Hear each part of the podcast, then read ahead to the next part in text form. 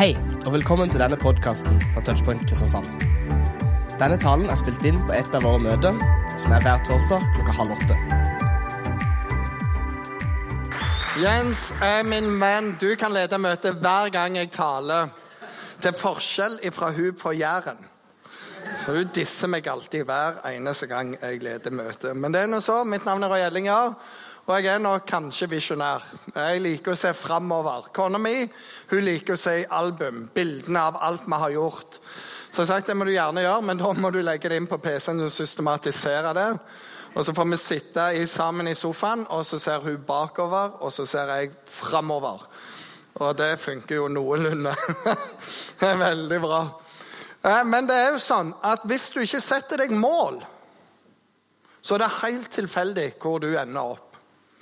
Hvis du ikke jobber i retning av noe, så driver du egentlig bare rundt. Og det er helt vilkårlig hva som skjer i livet ditt. Alle valg er egentlig like gode og like dårlige. Men med en gang du får et mål i sikte, så skjer det noen ting. Så hva sikter du egentlig etter? Per Arne Dahl han har noen sånne gode setninger. Og en av de setningene han ofte sier, er Forfallet er det eneste som kommer helt av seg sjøl. Resten må du faktisk jobbe for. Så hvis du tar kroppen din, hvis du ikke jobber med den, så kommer forfallet ganske så elegant der. Resten må du trene. Hvis du vil noe som helst, så bare vit det. Forfallet kommer av seg sjøl. Trenger ikke jobbe for det.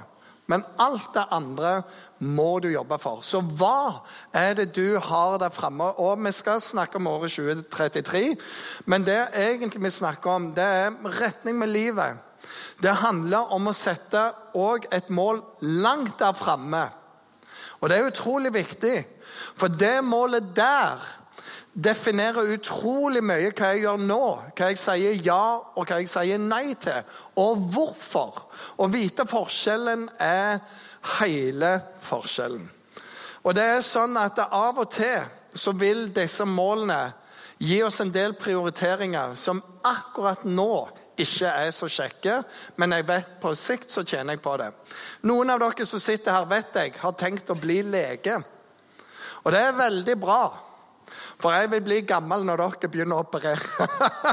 så, å ja, det var du som hadde en touchpoint. Ja, ja, her er for den talen. Og oi, oi, oi. Så det blir veldig bra. Men hvis du skal bli lege, så vet du at du er nødt til å ha gode karakterer.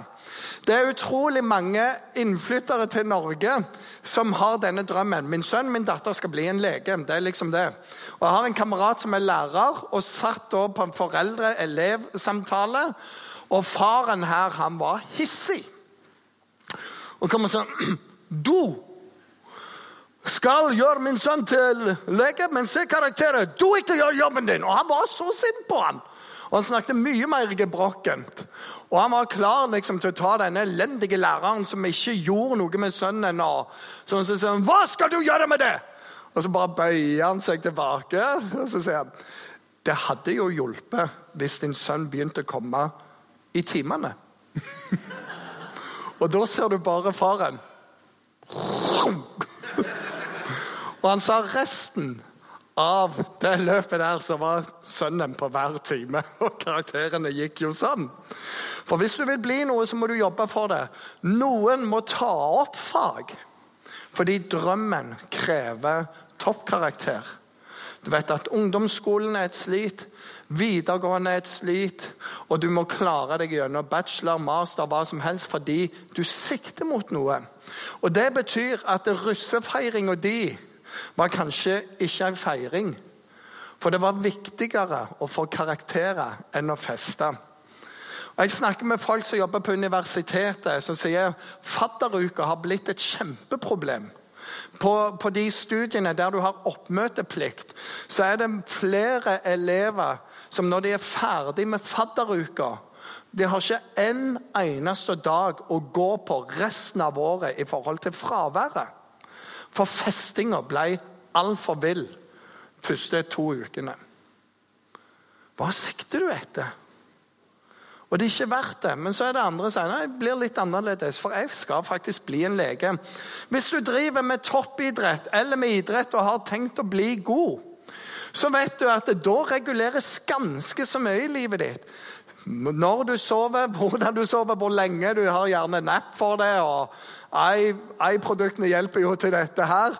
Spisinga jeg er så glad at jeg ikke sikter på å være toppidrettsutøver, for jeg sikter på å elske god mat.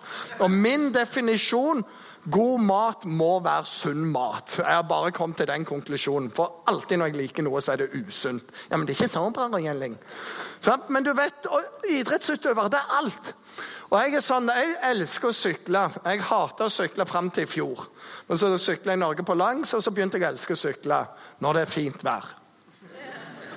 Og når det er fint vær, så sykler jeg så langt jeg bare har tid til. Ti mil. Woo! Dårlig vær setter meg i bilen. Men noen har mål. Noen av dere har et langsiktig mål som dere håper er kortsiktig mål. Og det er å få seg kjæreste. Og hvis du virkelig, virkelig, virkelig vil ha en kjæreste som bare Der er det all right. Så er det jo noen strategier som er lurere enn andre. Og jeg skal gi et strategikurs her for hvordan du rykker fram i køen. Og dette går til gutta. All right? Seinere kan jeg gi noen til jenter, men det er mye enklere. Gi oss mat. Vi er enkle vesen. Klapp oss litt på skulderen. Og så sier du 'Å, du er så flink', du. Vet du, Gutta tror jo på det. Vi er så enkle. Woohoo! Vi klarer å tenke på én ting om gangen, og du kan styre hva det er, nemlig deg. sant? Litt mat, litt oppmuntring. ikke sant, herren? Så, så ler du av vitsene hans som Det fins ikke morsomt! Men så lenge han tenker at du ler av det, så har du han. ok? Det var dametipsene. Her er noen guttetips. For noen av dere har vært single litt for lenge. Og så har noen damer sagt til meg f.eks. dette her. Når du kommer til noen på besøk, ta med noe. Det er veldig lurt. Sånn f.eks. du tar med brus, eller du tar med noe mat, eller du tar med noe blomster. Ikke sånn for mye, for det er litt for mye. sant? Men litt sånn. Og når du har et spleiselag, ikke vær den der kjipe som kommer 'Jeg fant dette til ti kroner billighylla.' Det er en turn down. Det er sånn, Hvis det er fellestaco, så, så, er du den som kan du, Jeg fant noe ekstra godt som jeg tenkte vi måtte ha inni. Do you know the secret ingredients? Matchene dine går bare opp. Hvis du som gutt, når det skal være felles, så sier du jeg kan komme litt før og hjelpe til å lage denne maten.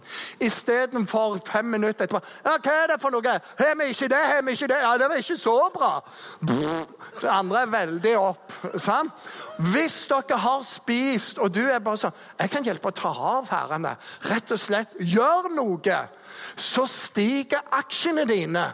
Istedenfor at du kommer for seint med tikronerspakken, sitter der og gjør ingenting og kritiserer alle ting. Da kan du fortsette å drømme om å få kjæreste. Men det er no way. Da snakker vi 2033. OK?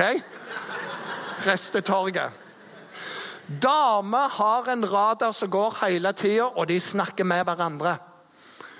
Og gutter i Norge som er litt hjelpsomme, litt oppmerksomme, litt på offensiven der, og litt spandable. Penger kan du spare resten av livet, bare få den er gift. OK? Det koster. Har dere ikke lært noen ting? Det koster det å være ikke sant? Så det er bare sånn. Og det koster derene. Det er en pris å betale. Hva drømmer du om for livet ditt på lang sikt? Og du må av og til endre noe. Og den som har sagt, Hvis du ønsker å fikse livet ditt, få orden på livet ditt, så det er én ting du trenger å gjøre med. Alle dere som bor hjemme eller bor på hybel, det er dette. Rydd rommet ditt. Starten på et ordentlig liv starter på soverommet ditt. Og Han sier det, han er professor. Begynn å rydde rommet ditt, for det er jo starten på et ordentlig liv. I det minste for din egen hygiene, for din egen trivsel. Vær en gave til deg sjøl. Og så kan du ta det videre hvis du har en hybel. Hold den ryddig. Mannfolk, dere aner ikke hvor mye damer legger merke til sånne ting. Hvis du har en bil, la den være ryddig. La det være ordentlig. Begynn å fikse livet ditt med å fikse soverommet. Et meget godt tips. Noen av dere har gjerne et økonomisk langsiktig mål. Jeg har en tolvåring i huset. Hans økonomiske lange mål er å kjøpe en ny mobil, og det være minimum iPhone 7.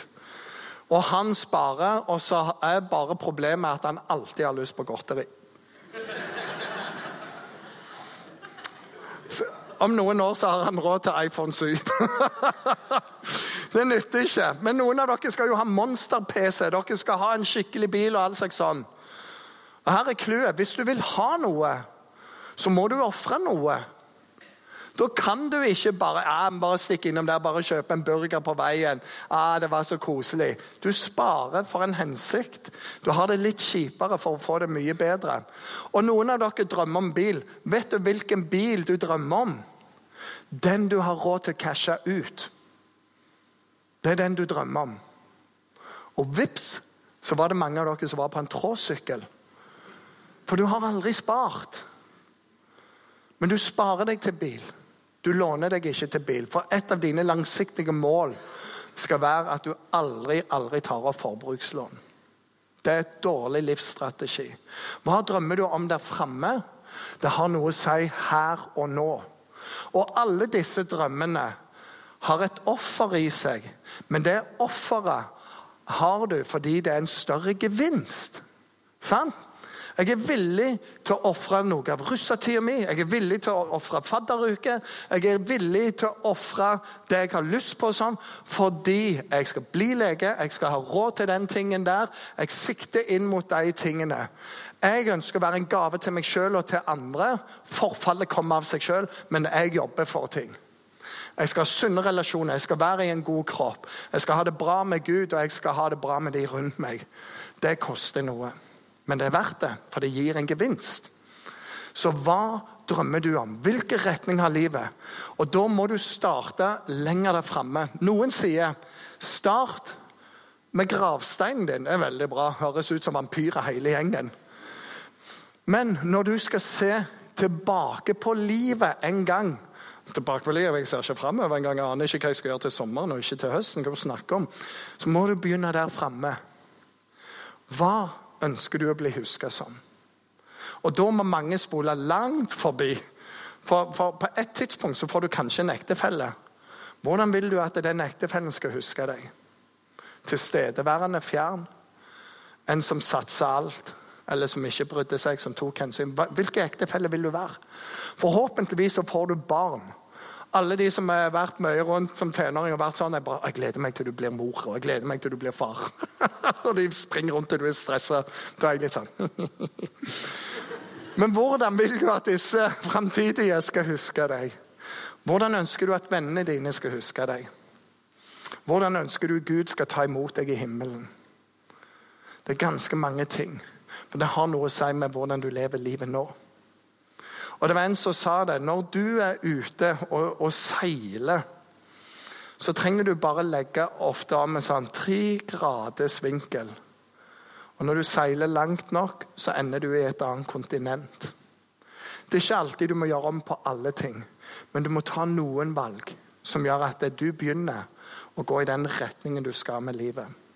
En annen sa det sånn Om jeg står med laser her, om jeg hadde lys bak på veggen, jeg bare beveger hånda litt, så ville den laseren flytte seg utrolig mye pga. lengden på livet. Sant?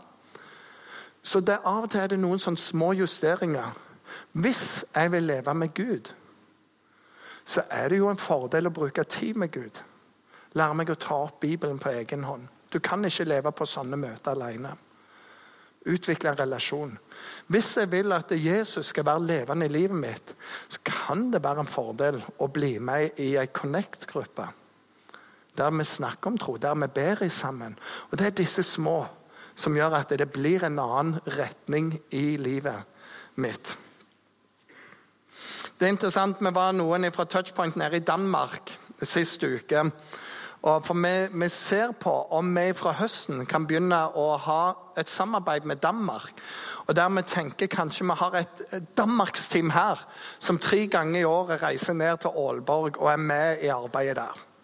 Og når jeg stiller spørsmål til 15-16-åringer i Danmark hva tenker du om livet? Så er de allerede der. Ja, men eh, alle dansker uansett starter med Ja, men eh, hvis Jeg husker SAS. da Jeg vet ikke om dere husker, Har du vært SAS-fast i det siste? Sant? Og SAS hadde gått med mange milliarder underskudd, og så var det en dansk sjef. Og så spør de han ja, hvordan forklarer du fire milliarder i underskudd første kvartal. Jammen eh, så, så, bare så, Nei, det går ikke an å begynne med jammene! Og så spør jo disse 16-åringer hva skal du gjøre med livet ditt. Ja, men eh, jeg skal bli maskinfører. Så, Ok, Kjempedrøm, tenker jo vi nordmenn som skal bli kunstner eller et eller annet. Ja, men eh, jeg skal bli en elektriker. Og så, og så har de veldig tidlig bestemt seg, de aller fleste, for en retning. Men hvis jeg spør her Det jevne svaret jeg får, er Jeg aner ikke. Vi får se. Kanskje det, kanskje det. Jeg vet ikke. Det er kjempebra. For da er alle studier like gode. Eller ikke. Så du trenger å finne ut hva sikter jeg mot. Det er verdt noen penger å finne ut av. Det kan spare deg mange år på skole, mange år på feil arbeidsplass. Og du får den retningen. Jens nevnte 2033. Greia er at eh, ja, jeg liker å se framover. Jeg tror jeg har en gave fra Gud å se framover. Og jeg har fått lov å være med i nasjonale strategiprosesser og lokale strategiprosesser. Og vi har begynt å leke med tanken Hva er det som ligger foran oss som misjonskirker i Norge? Hvor langt skal vi sikte? Og Det er noe som heter Big Hairy og så kan jeg ikke ane Outrageous Goals. Med store, hårete, sinnssyke mål. Og de sier det er alltid 10-25 års perspektiv på dem. Hva er den ene tingen du sikter mot der framme? Og så har vi sett det. 2033, hva skjer i det året? Så tenker jeg det er et helt spesielt år i verdenshistorien. 2033 er det året hvor det er 2000 år siden Jesus døde for oss og sto opp igjen for oss. Og det vi tror, er at det kommer til å være en feiring verden over som ingen har sett maken til. Og Det som jeg kan drømme for i Kristiansand, det er at da er vi nede på Sør Arena, og vi er 10 000-15 000 som synger lovsanger der. Og feirer at Jesus sto opp for oss. Og så tror jeg, så er det ikke bare her, men det kommer til å skje verden over. Og så er spørsmålet hva gjør vi fra nå til der, når vi skal fylle den arenaen? Hva er det Hva er det vi sikter mot? Og så har vi begynt å jobbe med det. Kanskje skal vi plante 33 nye menigheter. Der noen av dere kommer til å være med og plante noen av dem. Noen kommer til å reise som misjonærer til plasser i Norge hvor det ikke fins kristne. Så vi er lys og salt der. Noen menigheter kommer til å vokse seg så store at de ikke bare samles i ett bygg, men de kommer til å samles i to bygg, i tre bygg. Og så har de satt det litt overføring. Det er òg planting. Noen kommer til å reise til Danmark, og så har jeg fått et kall fra Gud for å se en ny bølge i Danmark. Danmark er et unådd folkeslag, ca. per definisjon. Trenger evangeliet mer enn noen gang.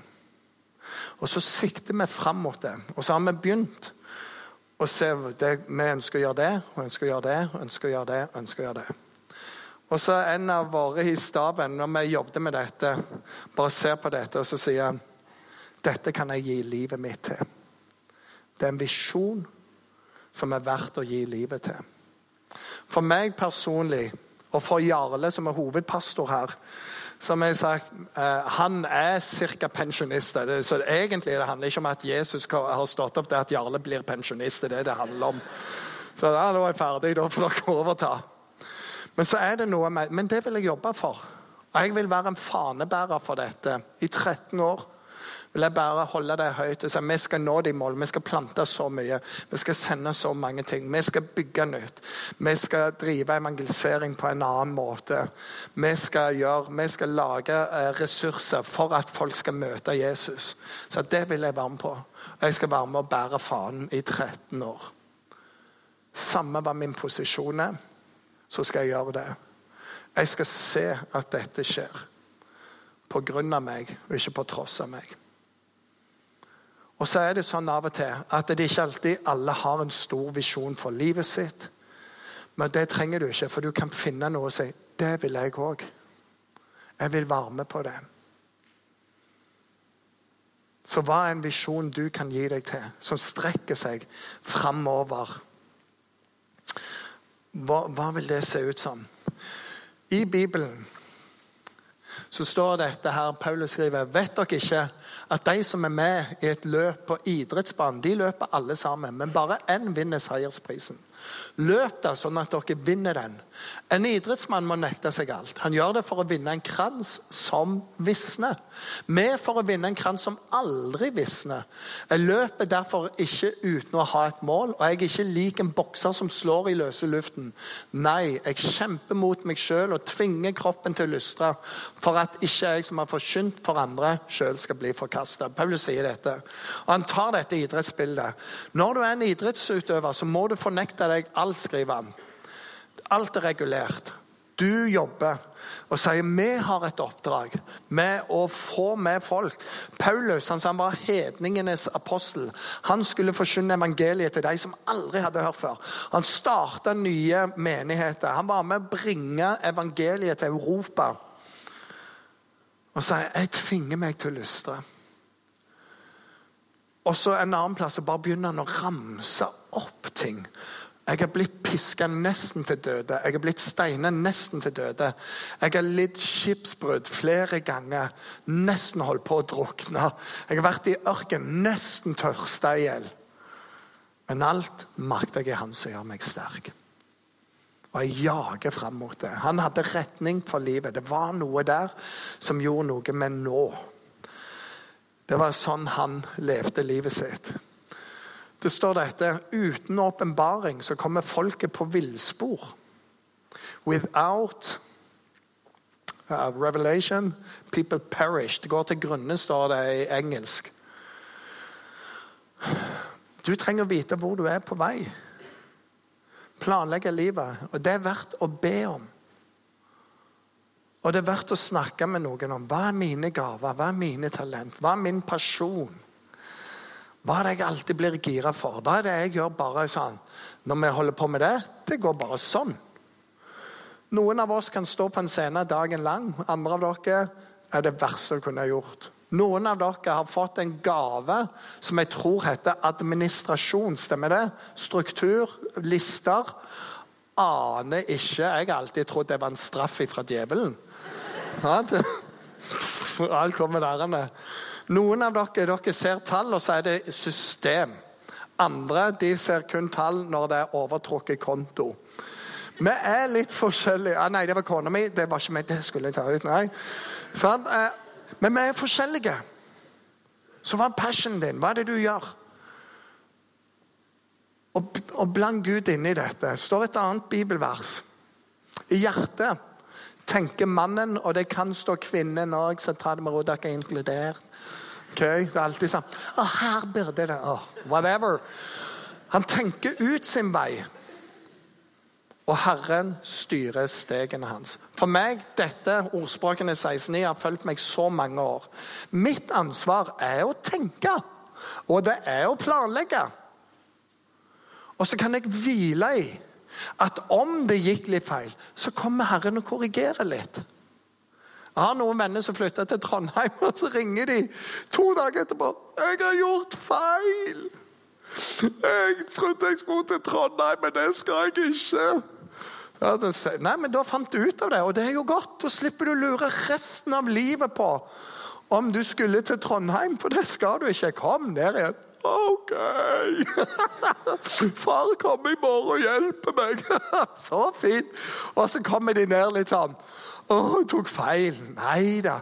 Det er ikke så farlig. Det som er farlig, er å aldri gjøre noe.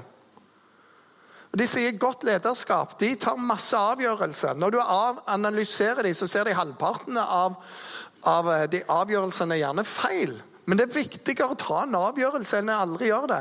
Vårt ansvar er å planlegge. Gud vil hjelpe oss å styre dette. Og av og til så blir det sånn. Jeg flytta der, og det var feil. Ja, men nå vet du det. Du vet når jeg fant opp det lyspæra, så jeg hvor mange forsøk har du hatt nå. Nei, ca. 1030.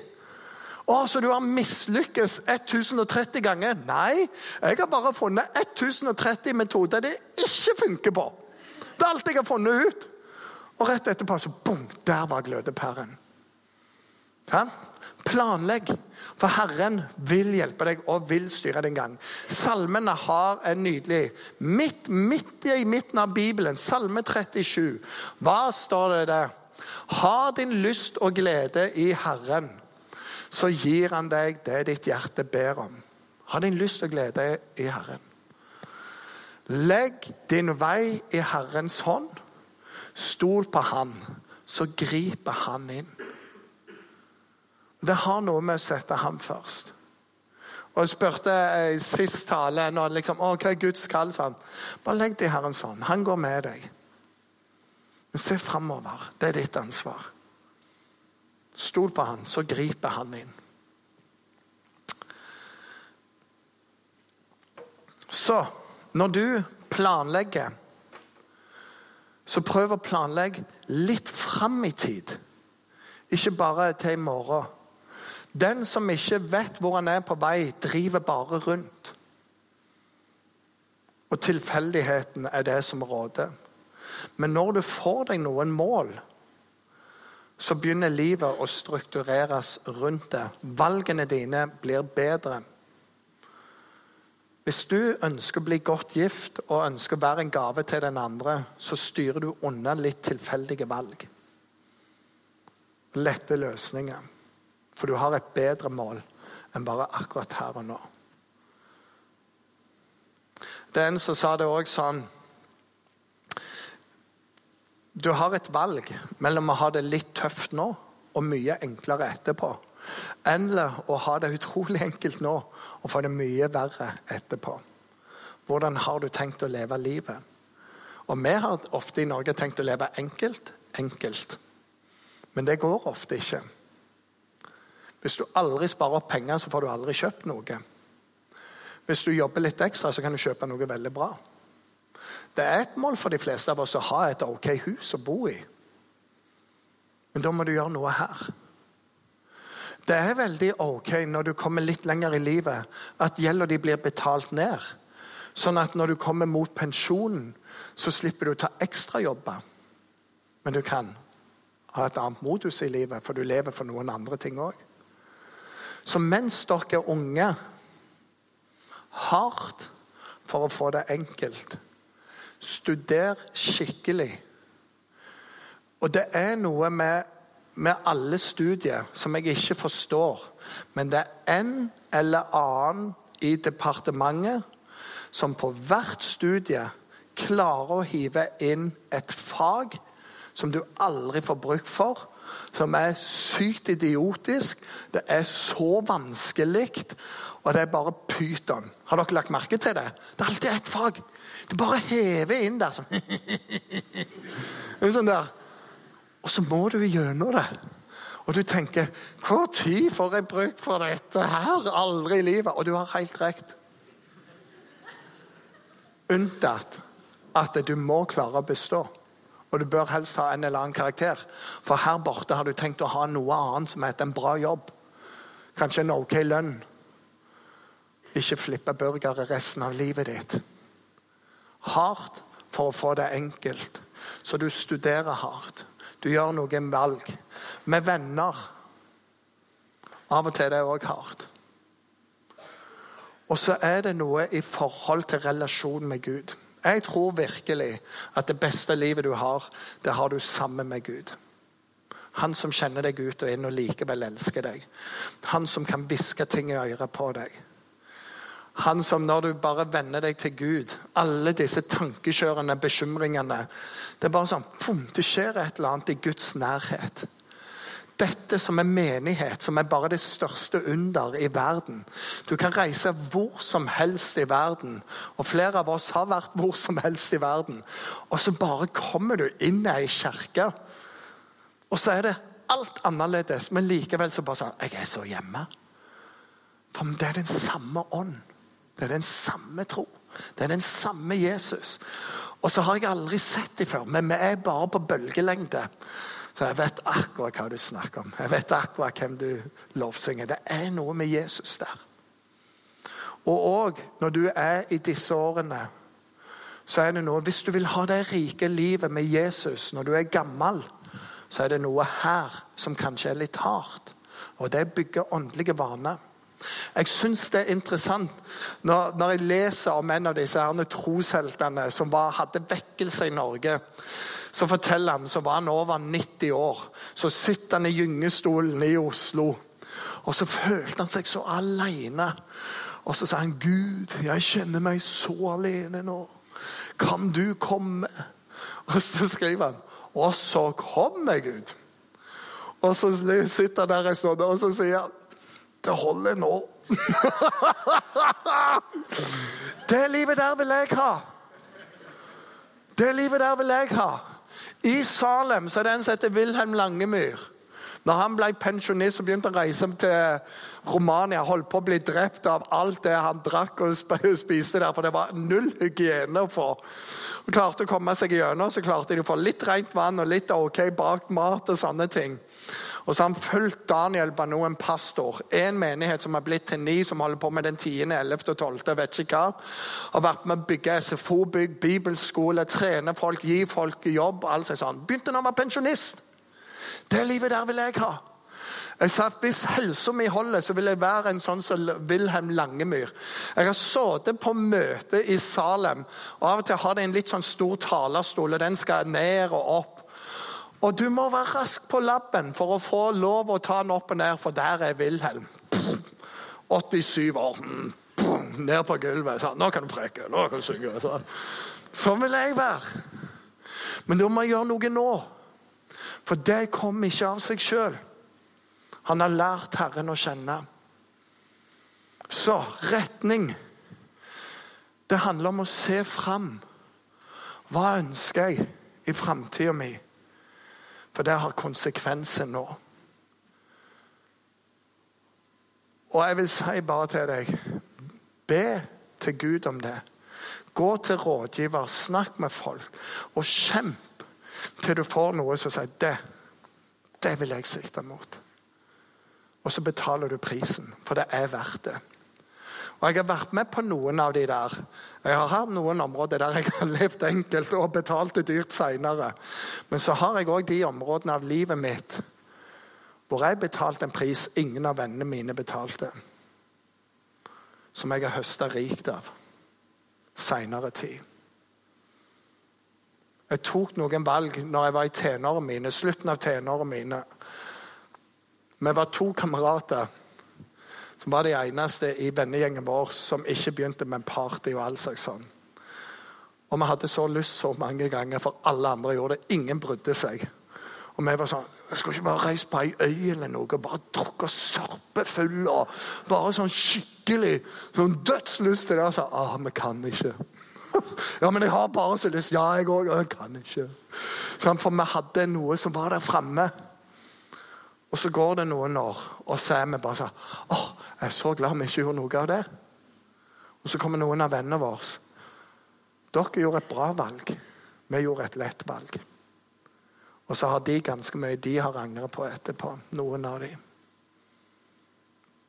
Så hva sikter du etter? Hva ønsker du å bli? Og det, det er noe som sier Det det handler mest om, det er hva holder du på å bli? Ikke hva gjør du, men hva holder du på å bli? Og Hvis jeg skal snakke til oss gutter igjen Vi holder ofte på å bli isolert. Det er det letteste for en mann, det å isolere seg. Jeg klarer meg alene. Jeg. Ja, men da, da, Jeg skal alltid overleve. Vi er sånne idioter som tror vi er sånn. Vi holder ofte på å bli isolerte. Den andre tingen som vi ofte holder på å bli, det er en som gjør kompromiss på det ene og det andre. Jeg har kontroll. Det Har du ikke? Jo.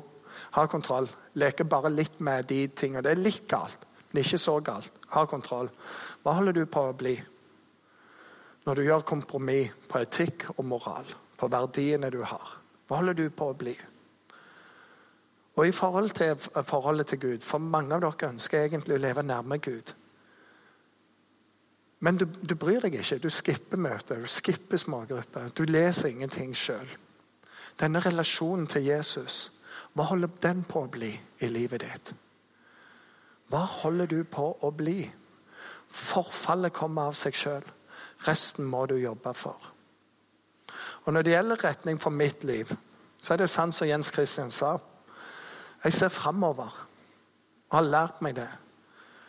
Og 2033 er noe som jeg håper vi skal lande. En annen ting. Jeg håper at om ca. tre år så står det et nytt bygg rett nede her. Som har 600 seteplasser. Var på arkitektmøte om det i dag. Som har en kjeller med lydrom, med filmrom, som gjør at vi kan broadcaste til hele Norge. Drømmer om å flytte mange kontor inn her. Drømmer om at vi kan ha to parallelle arrangement her, for det er stort nok.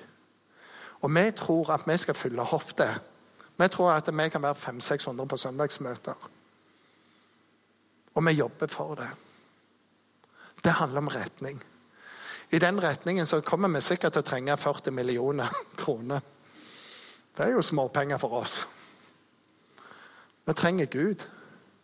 Og vi trenger virkelig å gi som aldri har gitt før. Men det blir vårt troseventyr.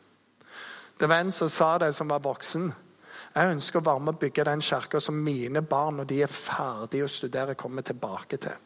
Og bringer sine venner med til. Det er den retningen jeg har. Jeg er villig til å ofre for det.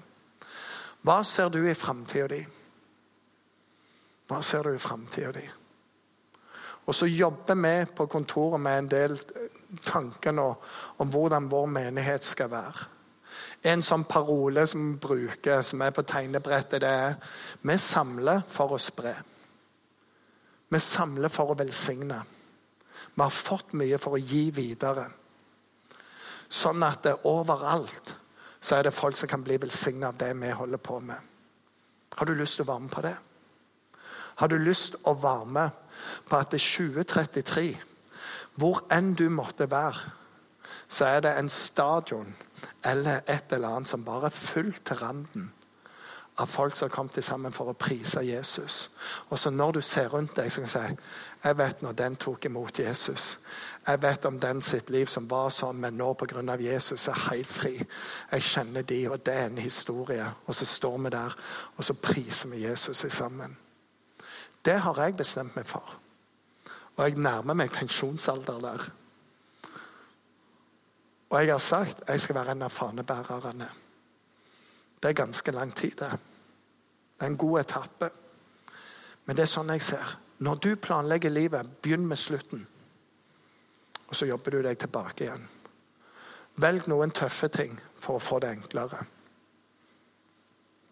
Og Jeg ønsker å be for deg. Dette siste møtet, og jeg er litt sånn Jeg er glad for det er sommer. Snart. Men det er fryktelig trist òg. For jeg blir glad i folk ca. sånn. Og jeg vet mange av dere Det er siste gang dere er på touchpoint før dere reiser. Og så har vi sånn Det er større glede å sende enn å samle. Og samtidig så er det noe jeg sånn åh, Jeg kommer til å savne så mange av dere. Så tar vi Gud på ferden videre.